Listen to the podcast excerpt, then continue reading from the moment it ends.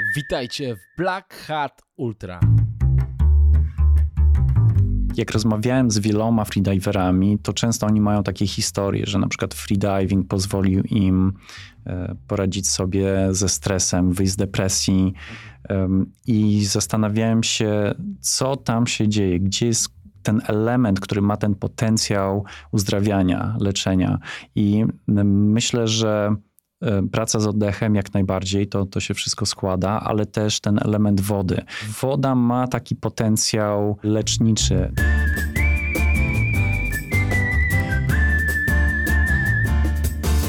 Marcin Petrus po latach zbierania doświadczeń w pracy nad oddechem zafascynował się freedivingiem, czyli przebywaniem pod wodą bez sprzętu.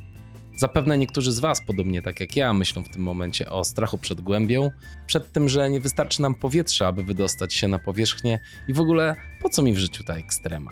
Okazuje się, że freediving nie musi kojarzyć się z głębią, nie musi być też ekstremalny. A wartości, jakie zyskujemy wyciszając się i wchodząc w stan relaksu, aby spędzić pod wodą dłuższą chwilę, są nieocenione.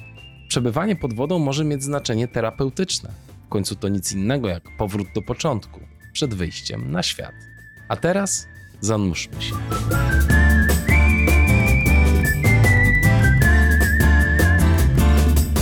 Cześć Marcin, witam cię serdecznie. Cześć, super, bardzo się cieszę, że tu jestem po raz kolejny. No to właśnie. wielki zaszczyt, naprawdę. No właśnie, miło cię zobaczyć. Cztery lata e, się nie widzieliśmy, wystąpiłeś w odcinku 17, a potem jeszcze y, mówiłeś o ekspozycji na zimno, ale to na live. Świetnie wyglądasz. Dzięki. Opalony. tak. E, no właśnie, strasznie dużo podróżujesz. Odkryłeś ostatnio dla siebie freediving. Mm, jest to, jak rozumiem, gdzieś tam idealnie pasuje do twojej drogi, którą przechodzisz jako trener oddychania, bo ty y, ostatnio opowiadałaś o tym, że zacząłeś od Wima Hofa, ale potem był Butejko, potem e, Oxygen Advantage i, e, no i ten freediving wydaje się być taką naturalną gdzieś tam drogą, ale, ale zanim przejdziemy do, do freedivingu, a oczywiście przez medytację jeszcze przeszedłeś, wiadomo, mm, tak. ale zanim przejdziemy do freedivingu, chciałbym, żebyś opowiedział naszym słuchaczom oddychanie. Niby banalna rzecz, e, ale tak naprawdę nie oddychamy świadomie na co dzień. E, powiedz, takie ćwiczenia, świadome ćwiczenia oddychania, jak one mogą wzbogacić nasze życie codzienne. E, jak możemy poprawić swój sen, e, może nawet metabolizm, może jakieś kwestie związane z, z gorszym samopoczuciem, może nawet z depresją. Jakbyś tak mógł bardzo ogólnie powiedzieć, co nam daje takie świadome oddychanie? Mhm. No właśnie, to jest niesamowity temat, bardzo duży, bo tak naprawdę na wszystko możemy znaleźć ćwiczenie oddechowe, możemy znaleźć konkretną praktykę, czyli jeżeli chcemy się doenergetyzować, możemy zastosować ko konkretne oddychanie do tego, jeżeli chcemy się bardziej zrelaksować tak samo, czyli to jest ogromne y, spektrum, czyli działamy na takich obszarach na przykład jak fizyczne, czyli możemy poprawić to, jak nasze ciało działa i tutaj y, no, dzieją się niesamowite rzeczy, bo pracujemy ze swoim układem, z układem nerwowym, z układem krwionośnym, oczywiście z układem oddechowym, e, ale też dalej możemy przejść do takiej sfery emocjonalno-mentalnej. Też dużo pracujemy właśnie w tej przestrzeni swojego umysłu. E, możemy też wchodzić nawet trochę głębiej e, w to, co czujemy, czyli emocje, pracować z traumami, uwalniać wszystko to, co się zgromadziło przez nasze życie. No i oddech to może być też ścieżka duchowa. Fajnie, tak, to jest, to jest ogromny temat, ale e, właśnie chciałem się ciebie zapytać, bo to jest jedna rzecz, e, której tak naprawdę nie zbadałem, nie wiem, nie doczytałem. Jak, e, jak oddychanie może mieć wpływ na nasz metabolizm? Albo czy na przykład E, to, co jemy, może mieć wpływ na lepsze oddychanie w drugą stronę. Mhm. Okej, okay, to podam taki przykład, że e, oddechem jesteśmy w stanie regulować swój układ nerwowy, czyli mamy takie w uproszczeniu dwa tryby. Tryb współczulny to jest nasza akcja, to jest działanie, e, to jest czasami stres. E, I mamy układ przywspółczulny, czyli to jest odpoczynek, regeneracja i też trawienie. Czyli na przykład jeżeli chcemy e, poprawić tą naszą relację z, z trawieniem, z przetwarzaniem e, pokarmów, no to możemy zastosować konkretne techniki, które nas wprowadzą w układ przywspółczulny, czyli na przykład jemy i potem robimy delikatną relaksację oddechową i wtedy lepiej trawimy. Fajne. Fajne. Kurczę, uczysz tego na kursach u siebie? Jak najbardziej, oczywiście. To jest, to, jest, to jest dobry temat. A czy na przykład można oddechem spowodować, że potrzebujemy y, mniejszej ilości pożywienia? Tak, no, no może tak być. E, No tutaj przychodzi mi do głowy takie no bardzo zaawansowane techniki. Można wejść na taki stopień zaawansowania, że niemalże odżywiamy się e, samym powietrzem, czyli praną, czyli energią. E, Czyli tutaj zwalniamy swój metabolizm. No to może jest bardziej taka technika dla, dla mm, osób, które są bardzo, bardzo zaawansowane, bardzo wtajemniczone, spędzają bardzo dużo czasu na medytacji, na technikach oddechowych i w pewnym momencie wchodzą w taki e, głęboki stan relaksu, że wszystkie procesy, e, które dzieją się w organizmie są, są bardzo uspokojone. Ale dla sportowców raczej to się nie. Sportowiec na przykład w trakcie jakiegoś dużego wysiłku oddechem tutaj nie nadgoni kalorii. No, może być ciężko, tak, ale dla sportowców z kolei są techniki, które przyspieszają, dają dużo energii i, i tak naprawdę zwiększają też e, tą naszą wydolność. Fajnie. Mhm. Dobrze, Marcin, to opowiedz o, o tym freedivingu. Jak w ogóle trafiłeś? Czy to mm, gdzieś przeczytałeś o tej dyscyplinie? Znaczy, to nie jest jakaś tajemna dyscyplina.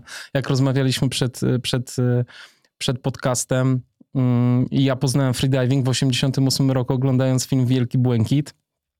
Wspaniały zresztą, polecam wam wszystkim.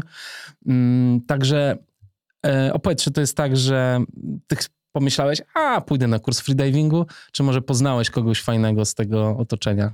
No właśnie ja o freedivingu już wiedziałem od dłuższego czasu i też e, wykonując techniki oddechowe i ucząc ich, wielokrotnie słyszałem, a powinieneś spróbować freedivingu. E, Natomiast ja miałem trochę błędne przekonanie na ten temat, bo myślałem, że to jest sport ekstremalny e, i to jest taki moment, kiedy no, na siłę docieramy do swoich granic. I dla mnie to się trochę kłóciło z tym, co znałem na przykład z jogi, z innych ćwiczeń oddechowych, że powinniśmy być e, bardzo delikatni dla siebie, e, bardzo no, nie docierać do tych granic, nie forsować. Natomiast potem się okazało, że wcale tak nie jest we freedivingu. To znaczy, to jest bardzo delikatny sport. Oczywiście może być jego taka y, sportowa odmiana, kiedy wtedy no, staramy się pójść trochę dalej, trochę mocniej, natomiast em, możemy uprawiać freediving bardzo delikatnie i wcale to nie jest ekstremalne. Także ja przez, przez lata w ogóle nie chciałem tego dotykać, bo e, myślałem, że to jest e, no, takie trochę naruszenie e, tej, tej swojej przestrzeni. E, Natomiast no, potem pojawił się COVID i jedyny basen, który był otwarty, to był Deep Spot, gdzie cały czas odbywały się kursy. A więc wtedy pomyślałem, że to jest najlepszy moment do tego, żeby spróbować, co to tak naprawdę jest i absolutnie się zakochałem od razu.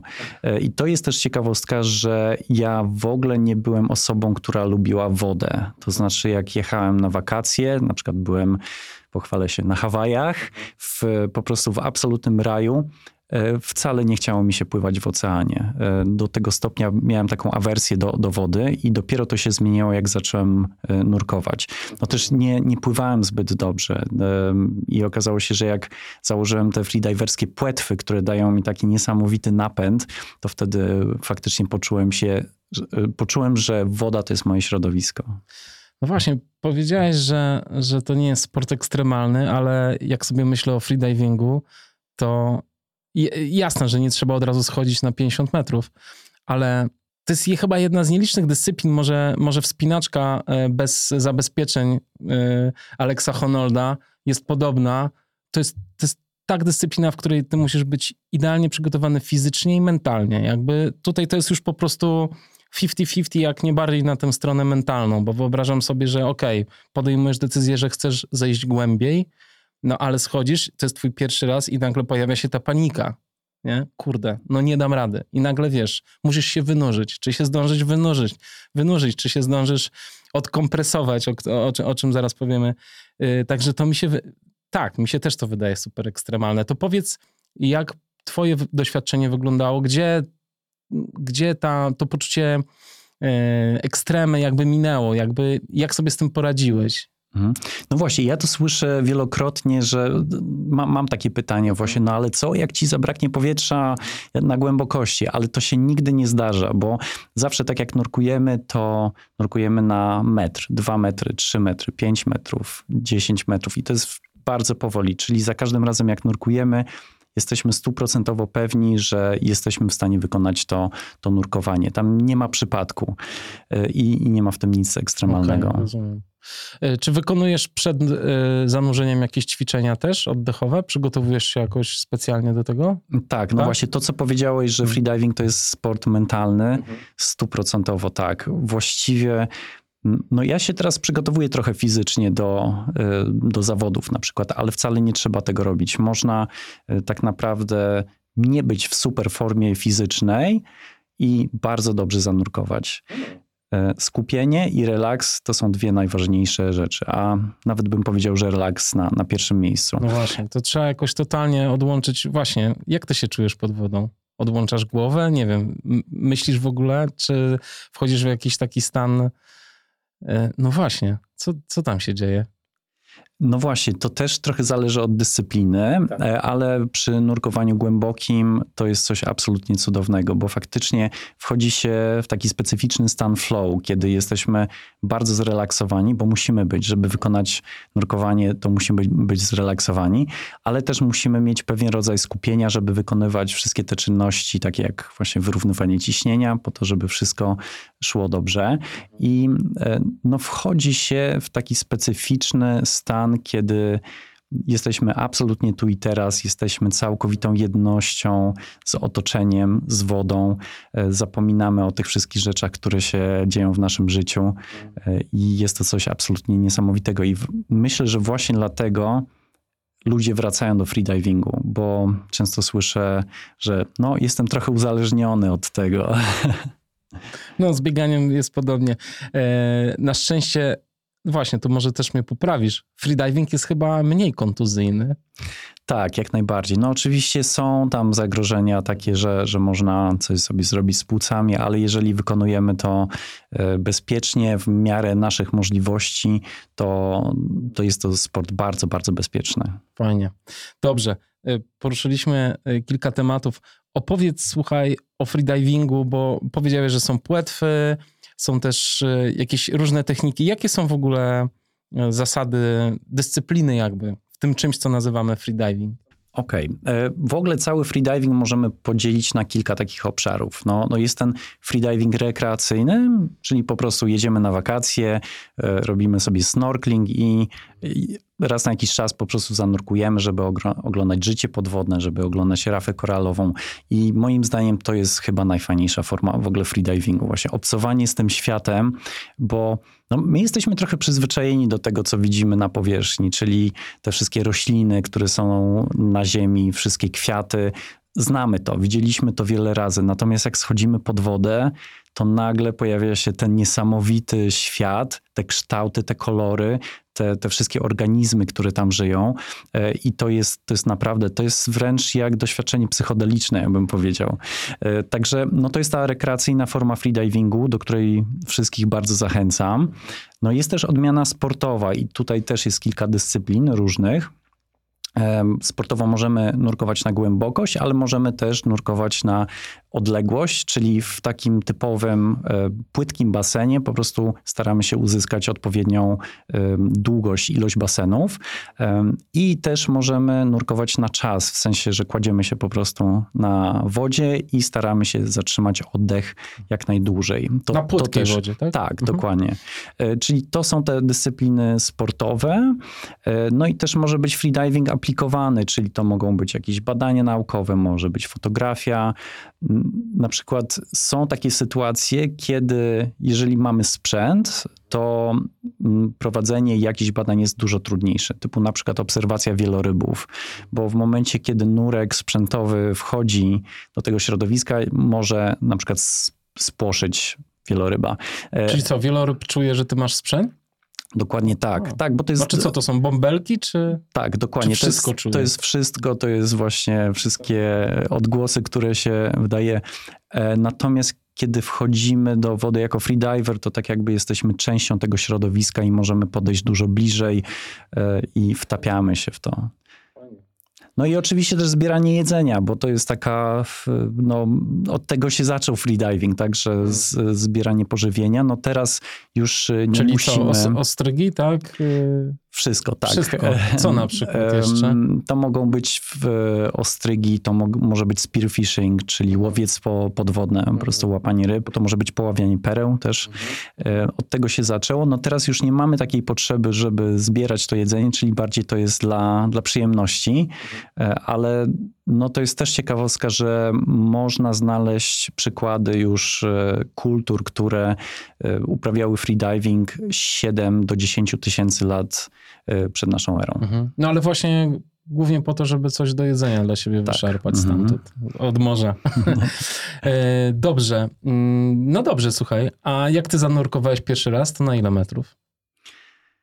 Okej, pierwszy raz, tak, ja się od razu na kurs zapisałem i chyba pierwszego dnia udało mi się na jakieś 10 metrów zejść. No, no drugiego dnia już, już na 20, także zaliczyłem cały kurs i, i było niesamowicie.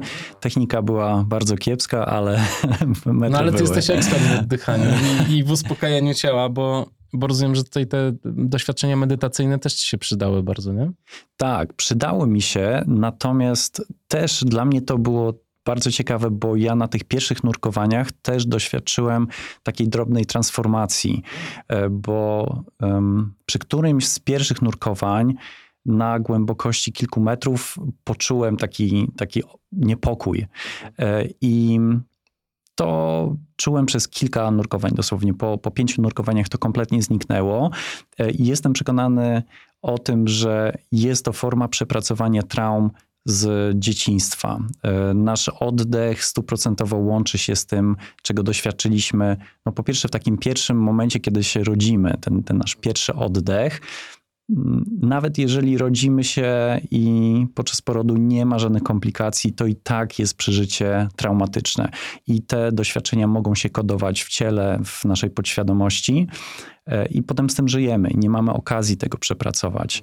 E, Ja miałem też taką sytuację, że się topiłem, jak byłem mały, więc to też się głęboko u mnie zakodowało. I właśnie na tych pierwszych nurkowaniach ten, ten niepokój, który, który przyszedł do mnie, to było to.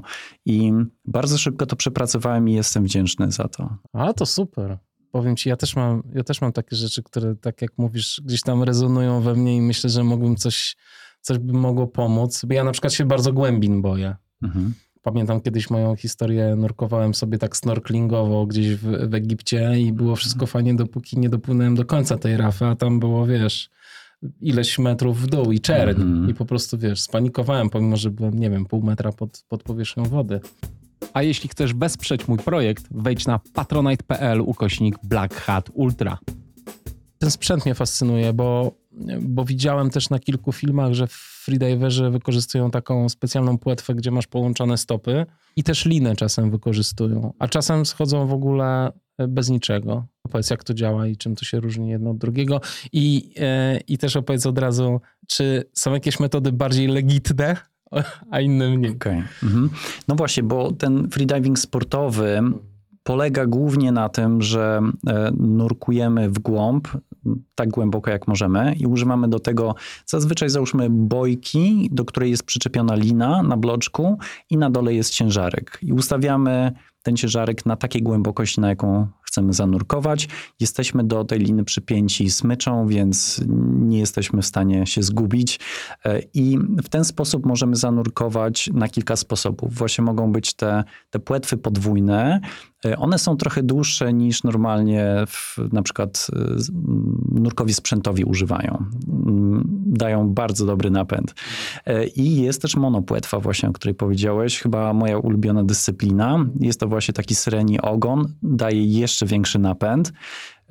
I może być też taka kategoria e, jak free immersion, czyli po prostu ciągniemy za linę i schodzimy w dół i w górę. E, I może być też bez płetw, czyli to jest taka lekko zmodyfikowana żabka podwodna, czyli płyniemy w I dół. bez ciężaru. E, To znaczy, ciężar jest opcjonalny. Jeżeli nurkujemy z pianką, zazwyczaj jest tam jakiś, jakiś cię- ciężar. Powiedzmy, jeżeli nurkujemy w basenie w, w głąb, to, to nie musimy go mieć, natomiast w morzu, gdzie jest większa wyporność, musimy mieć jakiś ciężar. E, No ale właśnie ta technika żabką jest taka najbardziej wymagająca. Potrzebujemy najwięcej energii do tego. Mhm. No tak, bo też powiedziałeś o piance. Sama, sama pianka ma swoją wyporność, prawda? Więc ten ciężar gdzieś tam równoważy też tę wyporność, to co cię wypycha w piance na górę. E, dobrze, a takie nie wiem, mistrzostwa świata we freedivingu, to się odbywają we wszystkich tych trzech kategoriach?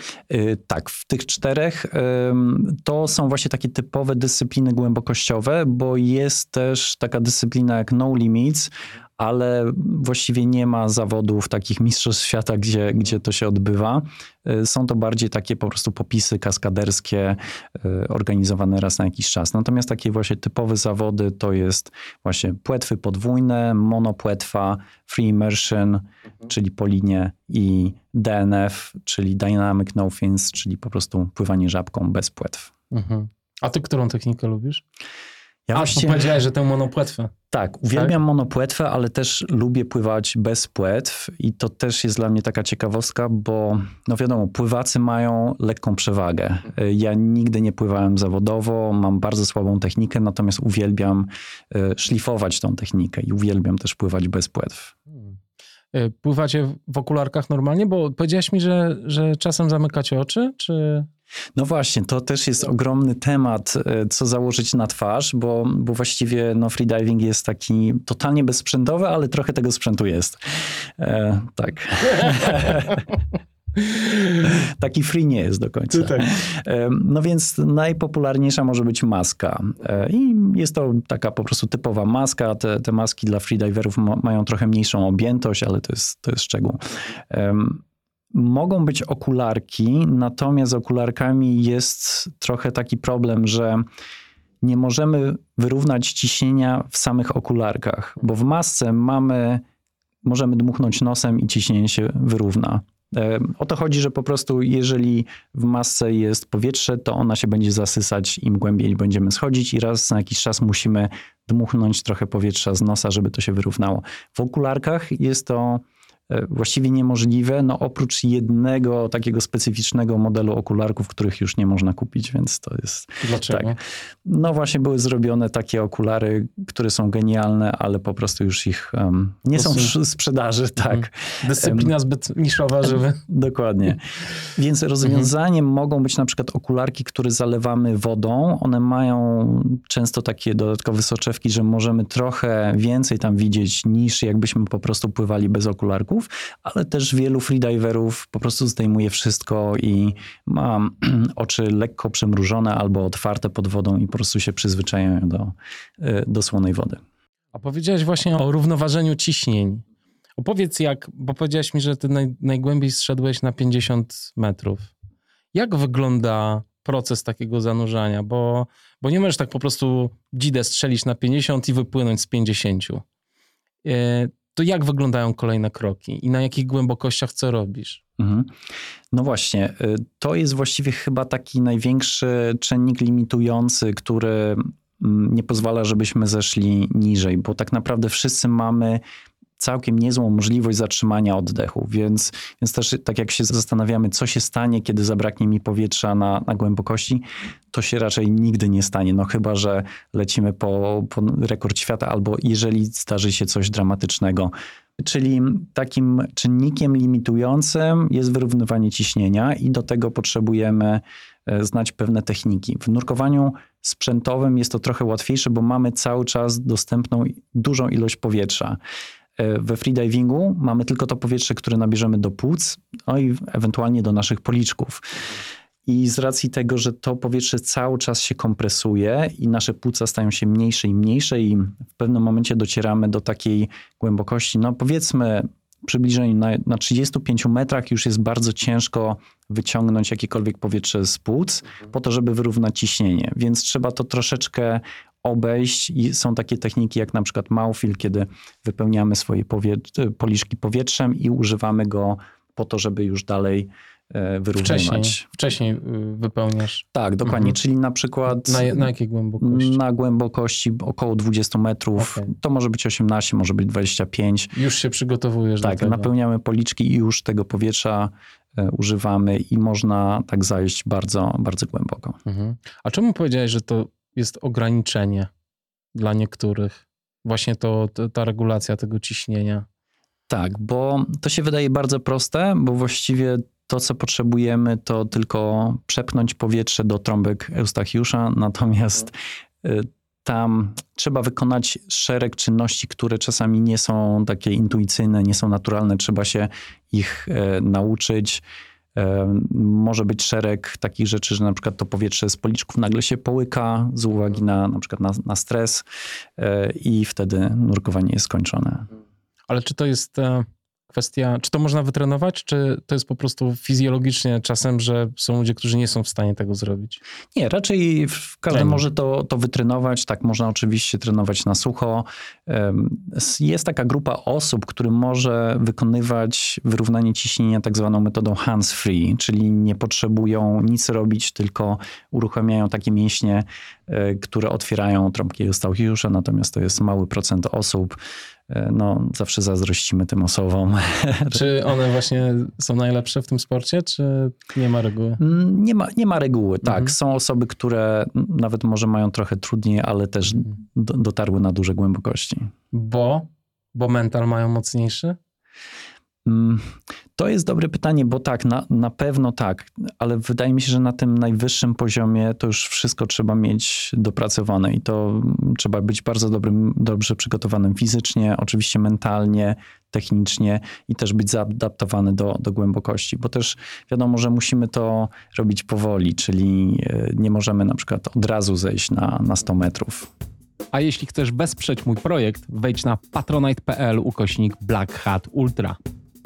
Czy takie Mistrzostwa Świata, nazwijmy to, odbywają się zawsze w tym samym miejscu? Mam na myśli mm, temperatu- jakby klimat, który panuje na zewnątrz, temperaturę wody. to są kompletnie różne miejsca. Znaczy jest kilka takich miejsc na Ziemi, gdzie wiadomo, że to jest dobre miejsce do nurkowania e, i powiedzmy te wszystkie zawody jakoś tak e, no, przemieszczają się pomiędzy tymi miejscami, natomiast e, każde jest trochę inne, bo no, wo, woda jest podobna, e, natomiast na przykład pojawia się tak zwana termoklina, czyli zmiana temperatury wody e, na, jakiejś głębokości. No i kompletnie... No em, właśnie, e, Jakiś prąd wodny, tak? tak, prądy Mhm. czasami się pojawiają. No są takie miejsca, gdzie to nurkowanie jest po prostu bardzo, no powiedzmy łatwiejsze, no bo jest dobra temperatura wody, nie ma termokliny, nie ma prądów i są miejsca takie bardziej wymagające. Gdzie są takie miejsca bardziej wymagające? Że wiadomo, że będzie, e, to przerąbane, nie zrobię dzisiaj życiówki. No, ja na przykład jak nurkowałem w Chorwacji, to, to było dla mnie tak dosyć trudno. No, były takie momenty, że był duży prąd, temperatura wody nie była taka zła, e, ale faktycznie mocna termoklina i to też jest, e, to jest takie odczucie, że, że płyniemy, płyniemy i nagle tak jakby ktoś wylał na, nam na twarz kubeł lodowatej wody, więc to jest takie uderzenie. No, ale też nurkowałem w bardzo takich ciepłych wodach, gdzie wtedy można używać na przykład e, bardzo cienkiej pianki, mamy swobodne ruchy, no i to wtedy jest bajka. Słuchaj, a ile czasu ci zajęło zejście na to 50 metrów? Mam na myśli, ile sekund wytrzymałeś bez oddychania? Czy minut, przepraszam. Okej, to były jakieś dwie minuty. Także, no właśnie, wracamy do tego, że to zatrzymanie oddechu nie jest czynnikiem limitującym, bo ja mogę zatrzymać oddech na, na dłużej. I też jak, jak ja wychodzę z tych 50 metrów, co, co też nie jest dużo, no ja, ja jestem gdzieś tak, no nie jestem może początkujący, ale też moi koledzy nurkują dużo, dużo głębiej. E, Więc e, no ja wychodzę z tej głębokości i, i na mnie to nie robi wrażenia. Em, Czyli co, mógłbyś zanurkować głębiej, skoro jesteś w stanie więcej wytrzymać pod wodą, czy nie? Tak, jak najbardziej. Gdybym e, umiał wyrównywać ciśnienie lepiej, to, to jak najbardziej tak. Jak ćwiczysz takie wyrównywanie ciśnienia? E, to są ćwiczenia na sucho. Dużo się ćwiczy na przykład z balonem. E, To jest po prostu balon, który na końcu ma taką, taką końcówkę, którą się przykłada do nosa i operuje się na przykład językiem e, i wyrównuje się ciśnienie w ten sposób. No to jest taka powiedzmy symulacja. Mhm. No tak, ale najlepiej to chyba po prostu zejść pod wodę, prawda? Dokładnie, Tak jak, tak. tak jak to Mhm. zazwyczaj w życiu bywa. E, A powiedz, a inne ćwiczenia do freedivingu, ćwiczenia oddechowe i ćwiczenia mentalne, jak wyglądają? Mhm. To jest też ciekawe, że freediving jest na tyle nowym sportem, nową dyscypliną i taką bardzo niszową, że, że nie ma jeszcze takich utartych ścieżek, że na przykład najlepsza droga do sukcesu jest, jest taka, tak jak mamy na przykład w pływaniu czy we wspinaczce prawdopodobnie. Więc teraz trochę każdy eksperymentuje, każdy robi to, co lubi, to, co się mu podoba, więc jedna osoba może na przykład trenować bardzo siłowo, druga będzie robiła cardio i obydwie mogą uzyskać bardzo dobre rezultaty. E, Więc myślę, że to jest kwestia czasu, kiedy dojdziemy do takiego naprawdę optymalnego, e, optymalnej drogi, jak należy się przygotować do, e, no właśnie do głębokiego nurkowania. Czyli nie ma jakichś rozległych badań naukowych na, na temat tego, jaki trening ma wpływ e, na osoby, które potem freedivują. Jest trochę, trochę badań na temat y, oddechu, wstrzymywania oddechu, ale tak stricte, jeżeli chodzi o freediving, to jest doświadczenie. To jeżeli idziemy do trenera, y, to trener będzie wiedział, które elementy będą lepiej działać niż inne i też co, mm, co będzie dla danej osoby lepiej działać, bo na przykład trenowanie freediverów to jest trochę taka psychologia. Ja zauważyłem, że że tutaj bardziej e, trzeba być, ważniejsza jest empatia niż czysto taka wiedza, wiedza fizjologiczna. A tobie co pomogło w tym zejściu na 50 metrów? No bo powiedziałeś, że na pierwszym kursie już zrobiłeś 20, a potem dużo czasu ci zajęło, żeby zejść na 50? Czy dużą pracę musiałeś wykonać? Dosyć dużą, tak. E, To znaczy, były takie momenty, kiedy się zatrzymywałem. Na przykład zatrzymałem się na 35, potem się zatrzymałem na 40, potem na 45 bardzo długo. To mi chyba od 45 do tych 50 mi chyba rok zajęło. E, Tak, ale to też jest taka niesamowita rzecz, bo dla mnie freediving jest takim takim absolutnym lustrem tego I, i często jest tak, że potrzebujemy zrobić coś zupełnie odwrotnego niż nam się wydaje, czyli jeżeli staramy się coś zrobić siłowo we freedivingu, to będzie działać odwrotnie. I ja tak przez długi czas tak próbowałem na siłę, na siłę i to kompletnie nie działało. E, No i w końcu jakoś tam e, się udało, ale, ale to jest cały czas praca, bo, bo też zawsze dane nurkowanie możemy zrobić trochę lepiej, możemy być bardziej zrelaksowani. Także mi to zajęło dosyć długo. Nie jestem specjalnie utalentowanym freediverem. Innym może to zająć na przykład pół roku e, albo kilka miesięcy, ale każdy ma swoją drogę. Nie, absolutnie. A czy wiesz, co tobie pomogło w pokonywaniu kolejnych granic, kolejnych głębokości? Czy po, potra, potrafisz to sobie jakoś przy, pomyśleć o tym, co zrobiłeś takiego, że ci to potem, że się przełamałeś? Mm, To znaczy tak, no na pewno trening pomaga. To znaczy właściwie bez, bez treningu ciężko jest, jest zrobić jakiś taki progres. Może jest to, to możliwe. E, No i dla mnie ewidentnie w momencie, kiedy bardziej się pogodziłem z tym, że, że może nie będzie tego, tych 50 metrów, e, czyli po prostu odpuściłem, odpuściłem tą presję, odpuściłem to ciśnienie, to, to wtedy się udało. Mhm.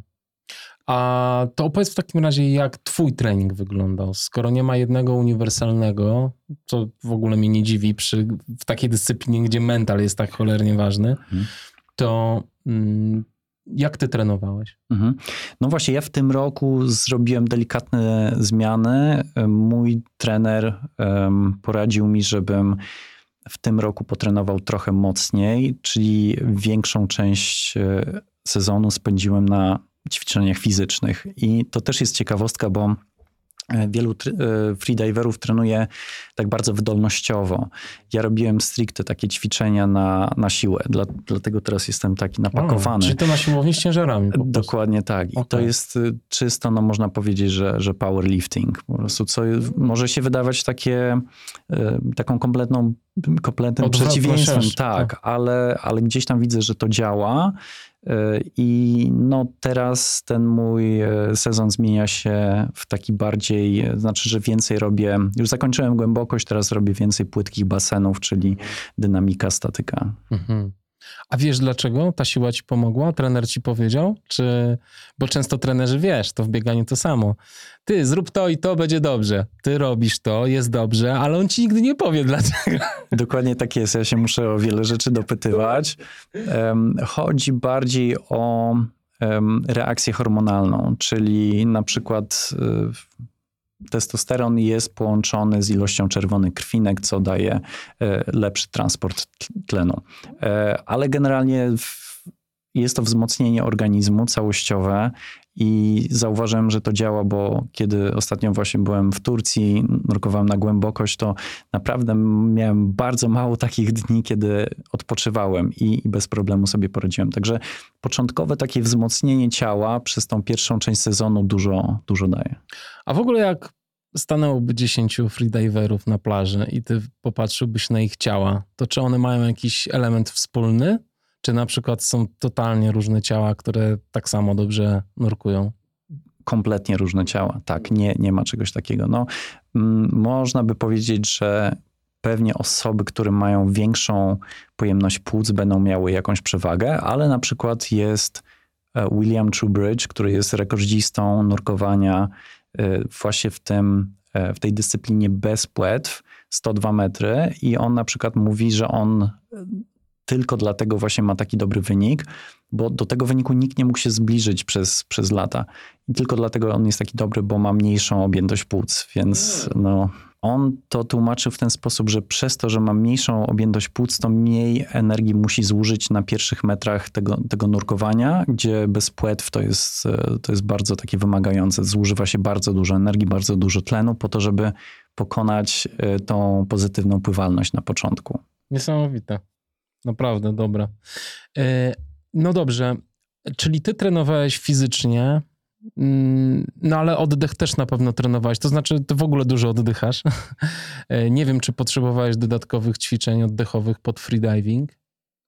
Mm, Ja teraz na przykład eksperymentuję właśnie z łączeniem mojej wiedzy z innych technik oddechowych, na przykład z pranayamy i, i włączam to do freedivingu. Nawet w momencie, kiedy jestem na bojce, przygotowuję się do nurkowania, na przykład takie ćwiczenie jak Nadi Shodana, czyli e, oddychanie naprzemienne, lewą dziurką, prawą dziurką, e, bardzo relaksuje i wprowadza właśnie taki, w taki stan, stan flow. Także staram się teraz testować, co z tych innych metod będzie działać do, do freedivingu. A mentalnie masz, robisz jakieś ćwiczenia? I czy są w, jakby w kanonie freediverskim są, jest jakiś zestaw ćwiczeń mentalnych, które robisz, czy to, czy to też jest bardziej coś, że ty po prostu na przykład wizualizujesz sobie nurkowanie, czy to jest coś twojego, czy to jest coś, co przynależy do dyscypliny? Tak, to znaczy ja w ogóle byłem bardzo pozytywnie zaskoczony, jak się zapisałem na, na kurs freedivingu, bo tam było wszystko. Ja zrobiłem w, życiu całkiem sporo kursów, dużo kursów oddechowych e, i na przykład, okej, powiedzmy, że jest kurs e, tlenowa przewaga, który uczy jak oddychać w sporcie, jak poprawić swoją wydolność właśnie w aktywnościach sportowych. No to kurs freedivingu uczy dokładnie tego samego. Plus jeszcze poruszanie się w wodzie, plus jeszcze, no oczywiście freedivingu uczy, ale plus jeszcze jak uratować komuś życie, wyciągając wody, więc ja byłem zaskoczony, jak dużo można wyciągnąć, jakie to jest powiedzmy value for money, ten, ten kurs freedivingu. To jest coś niesamowitego.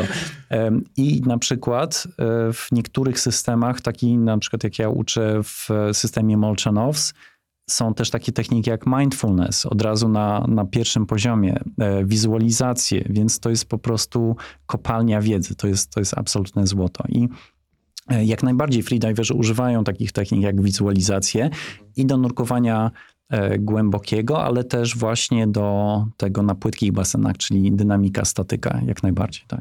No właśnie, ale chyba jak, tak sobie wyobrażam, ja nie wiem, jak e, nie masz tej presji tego, że mm, jesteś głęboko, tylko jesteś płytko, to jest chyba troszkę łatwiej, co?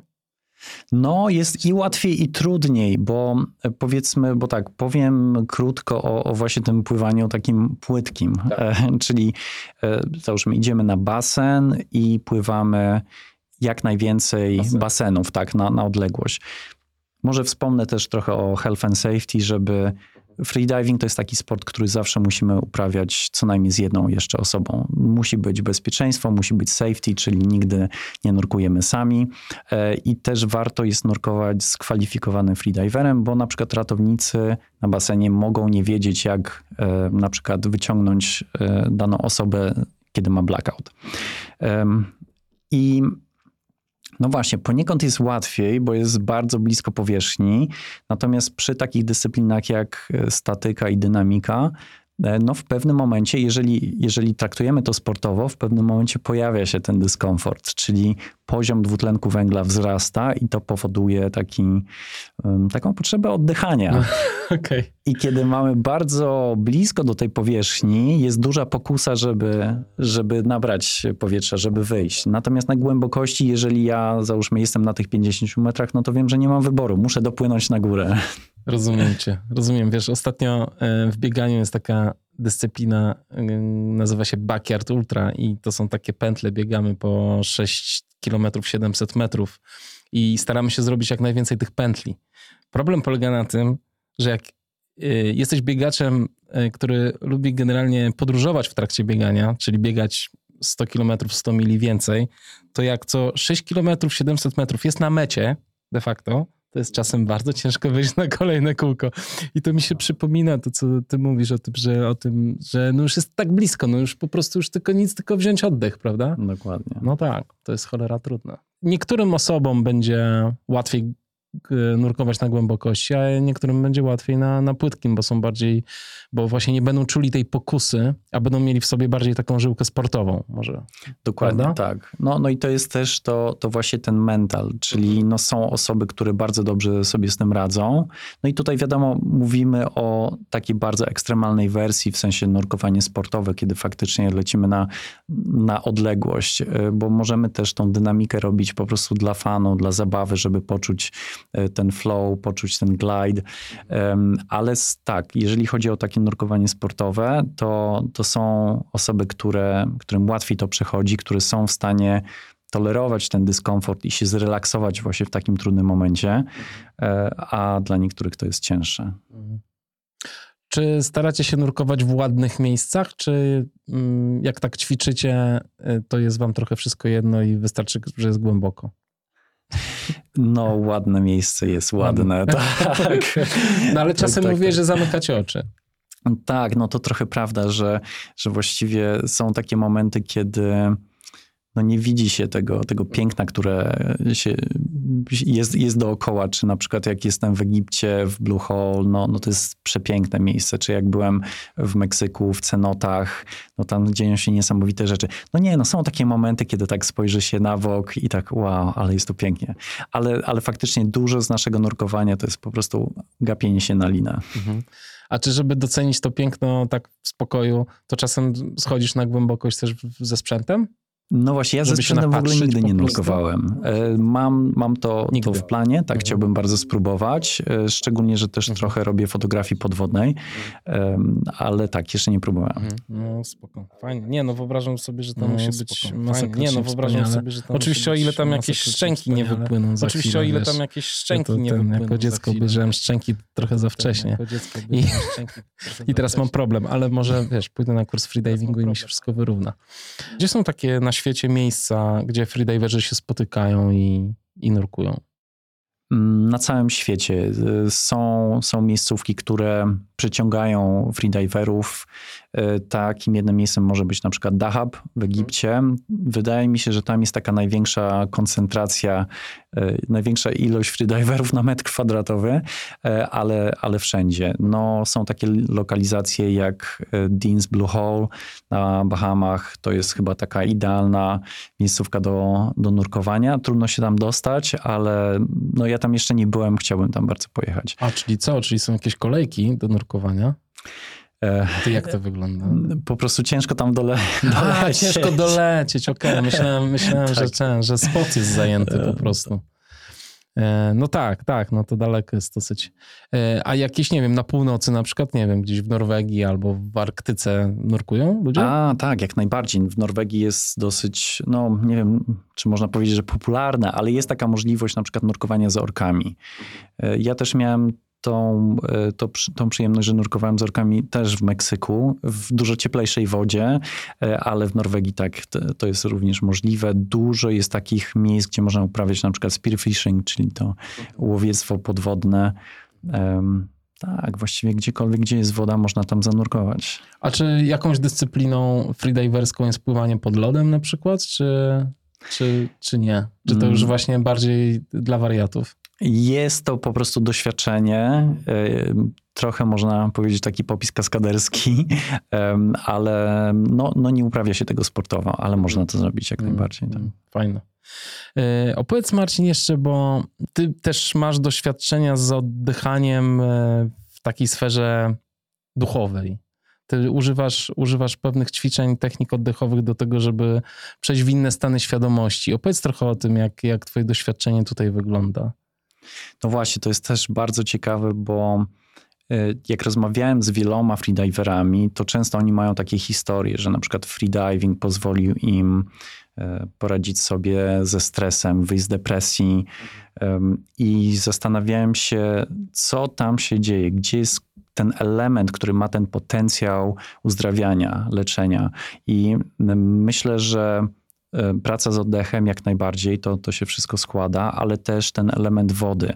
I tu jest taka ciekawostka, że e, w, w latach 80. w Stanach e, powstała technika oddychania rebirthing. E, Leonard Orr pojechał do Indii, potem e, wrócił i przy, przyniósł taką niesamowitą e, praktykę oddechową, która pozwala na pracę z emocjami, uwalnianie traum.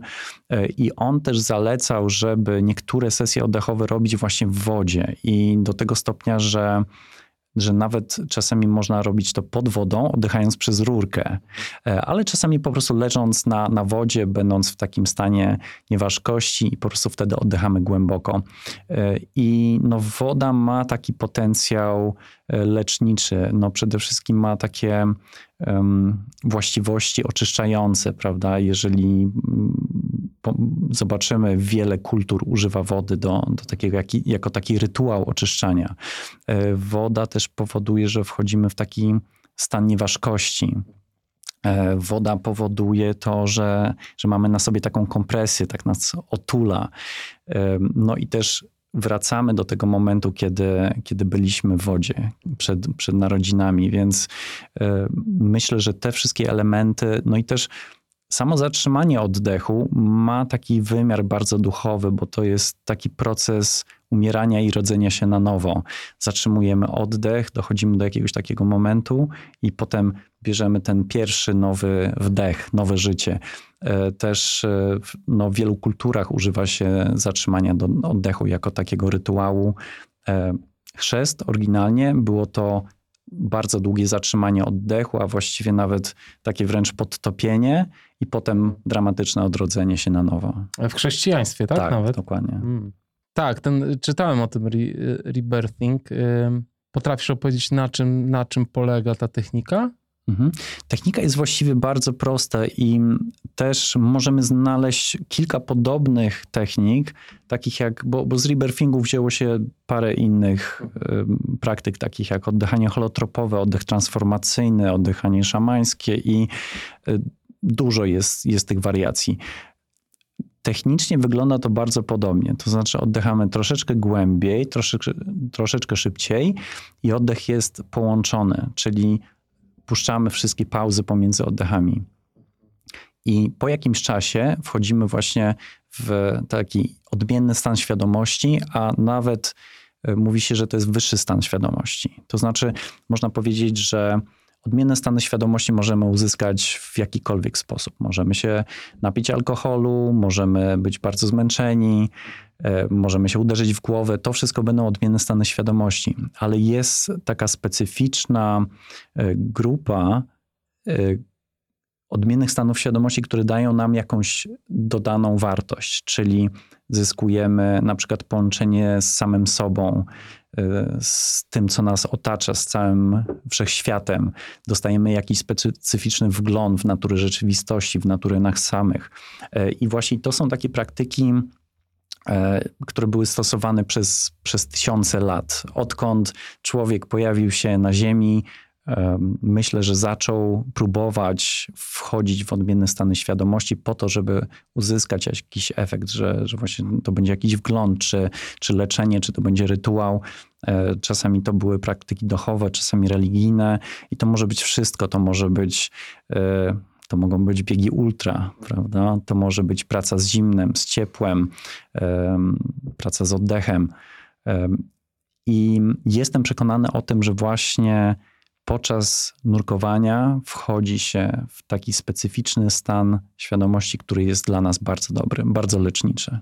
Dlatego lubisz wracać do tego tak bardzo. Dokładnie tak. Jak ty schodzisz tak głęboko, to e, na początku nie, nie czułeś, że wchodzisz w ten stan, dopiero po jakimś czasie poczułeś, że, że a, wskoczyło i teraz mogę, możesz płynąć głębiej na przykład? Każde nurkowanie jest inne i oczywiście szukamy tego i dążymy, żeby to było absolutne wejście w stan flow, w stan przepływu. Czasami to nie wychodzi, czyli są również takie nurkowania, które po prostu kompletnie nie idą i czasami jest tak, że nurkuję i zawracam, nie wiem dlaczego kompletnie, bo coś nie pasowało, ale zdarzają się właśnie takie momenty, kiedy wszystko się tak pięknie układa i jest niesamowity relaks, jest też skupienie, bo to są też te, te ważne komponenty stanów przepływu i całe nurkowanie dzieje się niemalże trochę poza ciałem. To się dzieje tak trochę automatycznie, że wychodzę na powierzchnię i tak się zastanawiam się, co się właśnie wydarzyło. Mhm. I to jest absolutnie niesamowite. Niesamowite. Trochę mi się kojarzy, nie, nie, nie, wiem jak to się nazywa, żona mi opowiadała o tym, że są takie baseny to nie są baseny, to są takie kapsuły, gdzie wchodzisz do wody, która jest e, o temperaturze ciała, więc ty nie czujesz, że jesteś zanurzony. E, aha, no i ta woda jest słona, więc ty nie, do, nie dotykasz e, żadnej. Twoje ciało nie dotyka niczego i unosi się na tej wodzie, i właściwie czujesz się, jakbyś był wisiał w jakiejś przestrzeni. E, e, robiłeś kiedyś coś takiego? Tak, jak, jak najbardziej. To, e, to są ka kapsuły floatingowe. A, floating, okay. Tak, okay. i jest to coś absolutnie niesamowitego, bardzo delikatne, bardzo bezpieczne, ale też łatwo można mm, doświadczyć odmiennych stanów świadomości. Albo po prostu troszeczkę się zrelaksować, albo wejść trochę głębiej. Ja, ja uwielbiam to. Tak? tak, ale to jest właśnie też cieszę się, że to poruszyłeś, e, bo tam dokładnie to się dzieje, że pływamy, ta woda jest słona, więc nas mamy tą wyporność, ma tą samą temperaturę, co temperatura ciała, e, więc jesteśmy całkowicie w takim stanie nieważkości. Ale coś podobnego dzieje się we freedivingu w momencie, kiedy docieramy na taką głębokość, powiedzmy 15, 18, 20 metrów, wchodzimy w stan y, free fall, czyli po prostu już nie potrzebujemy machać płetwami czy ciągnąć za linę, po prostu y, wchodzimy w odpowiednią pozycję, taką opływową i spadamy. I to jest dokładnie to, to jest ten stan nieważkości. I wtedy nic nie robisz już ciałem. No, trzeba tylko wyrównywać ciśnienie, no tak. ale reszta ciała jest zrelaksowana. Y, czy żeby wyrównać ciśnienie, ty się musisz zatrzymać, czy w nie, trakcie nie, to nie. robisz? To, to robię bez zatrzymania. W trakcie opadania. Mhm. Kurczę, to musi być niesamowite. E, dobrze. E, powiedz mi jeszcze naj, najgłębiej, jak człowiek jest w stanie zejść. Takim właśnie, uczepmy się tego Mistrzostwa Świata. Mistrz Świata, jak najgłębiej zszedł? Okej, okay, to jest też dobre pytanie, bo myślę, że w ogóle nie docieramy do takich możliwości naszego organizmu jeszcze freediving jeszcze jest w takiej fazie niszowej. Powiedzmy, jeżeli byśmy mieli taką pulę sportowców jak e, w pływaniu, no to, to by było dobrze.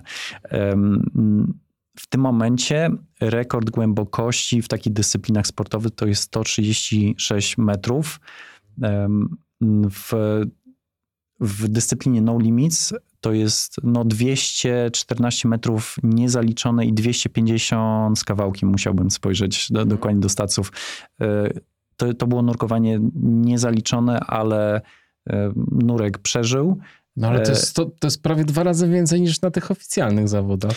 Tak, ale e, w dyscyplinie no limits to jest tak, że wszystko jest podporządkowane pod to, żeby zejść jak najniżej, czyli mamy taką windę specjalną, która nas ściąga w dół i potem mamy windę do góry, to są zazwyczaj takie po prostu balony, które napełniają się powietrzem i nas, e, nas wyciągają. Więc dzięki temu można zejść na taką głębokość jak na przykład właśnie 250 metrów.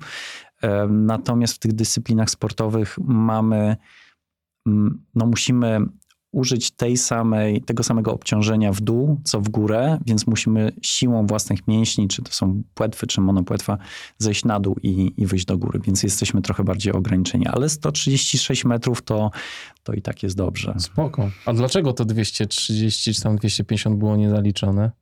No tam była taka sytuacja, że, że ten, ten nurek Herbert Nietzsche um, trochę z, zbyt głęboko wszedł w stan relaksu.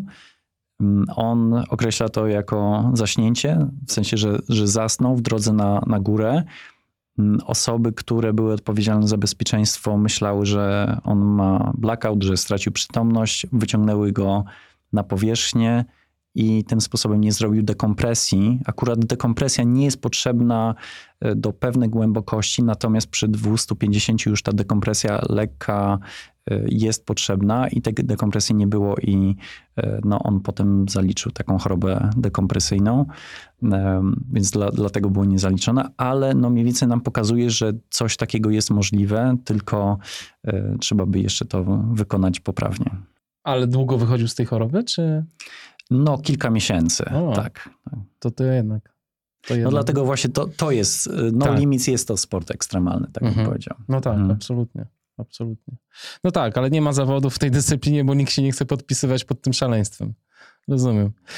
Yy, Jak ty widzisz teraz swoją przyszłość jako freediver i jak bardzo się w to wkręciłeś i, i czy w ogóle masz czas jeszcze na, jakiś, na jakąś swoją pracę, czy już tylko myślisz o nurkowaniu? No właśnie, też muszę, muszę się ograniczać z tym, co wrzucam na Instagrama, bo tam jest, jestem nauczycielem oddechu, a tam sam freediving. Tak, tak. Mam czas na, na normalną pracę, czyli cały czas robię warsztaty, robię kursy i online, i, i na miejscu takie jednodniowe. No właśnie, ciekawostka, bo szykuję bardzo fajny wyjazd do Przesieki. To będzie taki tygodniowy kurs, gdzie będzie oddech, będzie zimno, będzie wejście na śnieżkę i będę starał się zorganizować też nurkowanie pod lodem, więc zobaczymy, czy to się uda. Więc to będzie taki warsztat, który połączy te wszystkie dyscypliny. To wejście na śnieżkę to jest to wejście w majtkach, skarpetkach tylko i czapeczce. Dokładnie tak. No tak, to tak, no nie, nie, niezłe wariaty. Ostatnio widziałem, słuchaj, e, takie zdjęcie, że wchodzi właśnie grupa, nie wiem czy z tobą, czy z kimś innym, wchodzą na Śnieżkę, ale świeci słońce i jest taki komentarz. Przy takiej pogodzie to się nie liczy.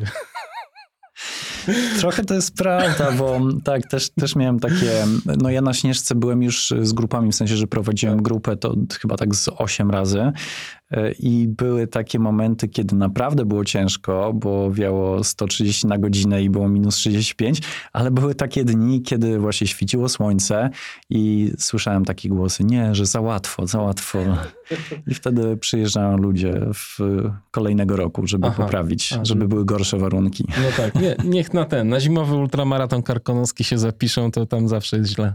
A tam ultra śledź chyba się odbywa, tak? Yy, nie, nie, to wa- właśnie, yy, nie, ultra śledź, to wiesz co, to nawet nie wiem, o Jezu, wstyd przyznać, ale nie wiem gdzie. Natomiast zimowy ultramaraton karkonoski się właśnie jest start w, w Jakuszycach i wiesz, i biegnie się na Śnieżkę i potem zbiega do Karpacza, meta w Karpaczu. Super, to my chyba podobną trasę będziemy mieli. O, tak. no to fajnie. Mhm. No tylko, że nie będziemy iść, nie biec. No tak, tak, tak. No ale wiesz, tam na, tym, na, na Zyku też się sporo idzie. Słuchaj, a powiedz mi, no to gdzie teraz na ten freediving jedziesz? Co, co, co planujesz? Jak twoja freediverska przyszłość? No właśnie ten sezon głębokościowy dla mnie jest na razie już zakończony e, i teraz trenuję do zawodów tutaj w Polsce, do dynamiki i statyki. E, Pod koniec roku właśnie jeszcze, no będą jedne zawody, które nawet ja organizuję e, i jedne zawody w Rybniku, na których mam zamiar się pojawić. No i zobaczymy. Czyli będziesz teraz sportowcem. Staram się, tak. Starasz się. Fajnie. Dzięki ci Marcin bardzo. E, Wrzuć mi informacje, jak, się będą, jak będą te zawody. One w Warszawie się będą, będą te zawody też? Tak, 26 listopada w Warszawie. No fajnie. To Mhm. może tam, może, może wpadniemy z ekipą. Super. Dzięki ci bardzo za opowieść Dzięki. i wszystkiego najlepszego. Do następnego razu. Dziękuję bardzo. Dzięki, trzymaj się.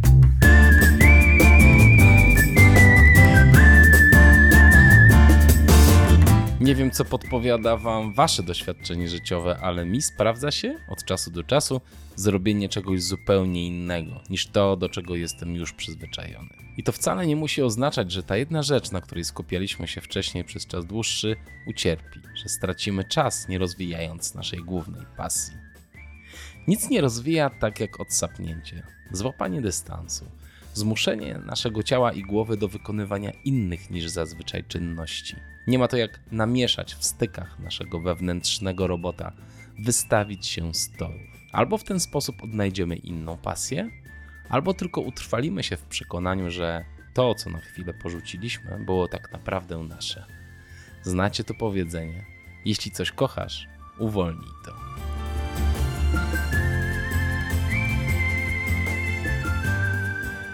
Freediving wydaje się być dyscypliną idealną na odsapnięcie i złapanie dystansu. Jak słyszeliście, ćwiczenie tej dyscypliny wymaga od nas głębokiej pracy wewnętrznej. Dzięki niej możemy przepracować swoje traumy i przy okazji przeżyć coś fantastycznego. Brzmi to 100 razy lepiej niż leżenie na kozetce, prawda? A jeśli macie teraz chwilę, zróbmy sobie małe ćwiczenie z koncentracji uwagi. Niezależnie od tego, co robicie, no chyba, że jedziecie samochodem 100 na godzinę, a nawet wtedy możecie zrobić to ćwiczenie. Posłuchajcie. Chodzi o to, żebyście poczuli swoje ciało, czyli jeżeli siedzicie na czymś, poczujcie dokładnie sposób, w jaki wasze ciało przylega do tego, na czym siedzicie. Pośladki, plecy. Jeśli macie ręce na kierownicy, Poczujcie, jak ręce dotykają kierownicy, jaki ma materiał, czy to jest plastik, czy to jest skóra. Powąchajcie przestrzeń, która jest wokół Was. Poczujcie, jaki macie smak w ustach. Zastanówcie się, jakie kolory widzicie. Tak niesamowicie często, słuchajcie, jedziemy na autopilocie że nie dostrzegamy świata wokół nas. Uważność to jest coś, co trzyma nas w zdrowiu psychicznym. Uciekanie w przeszłość bądź w przyszłość tak naprawdę nie ma kompletnie żadnego sensu. Nawet jeżeli nam się przytrafiła jakaś przykra sytuacja i teraz to tak bardzo przeżywamy, i denerwujemy się na cały świat, który to spowodował, bądź na ludzi, którzy to spowodowali, to nie ma to najmniejszego sensu. Zastanawiamy się nad tym, jak rozwiązać daną sytuację tu i teraz. Tylko to się liczy, prawda? Myśląc w ten sposób, szybko dojdziecie do wniosku, że właściwie kompletnie nie ma się na co denerwować i kompletnie nie ma czego oczekiwać mamy wpływ na nasze emocje tu i teraz i na to, jak podchodzimy do świata, jak widzimy świat. Na to mamy wpływ. Dlatego tak strasznie ważne jest, słuchajcie, żebyśmy wyłączali tego autopilota,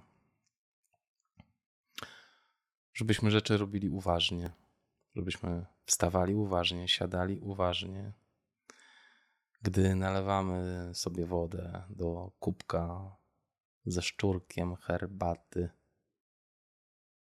czujmy ten czajnik. Zobaczmy parę. Nacieszmy oczy widokiem drzew za oknem. Zobaczmy, jaki mają kolor. A może spadł już śnieg? Im więcej detali zobaczymy, im bardziej będziemy się skupiać na tym, co nas otacza i na tym, jakie sygnały odbiera nasze ciało, tym bardziej będziemy tu i teraz. Pozdrawiam Was serdecznie. To jak? Namówiłem Was na freediving? Jest takie miejsce pod Warszawą, 40 minut drogi.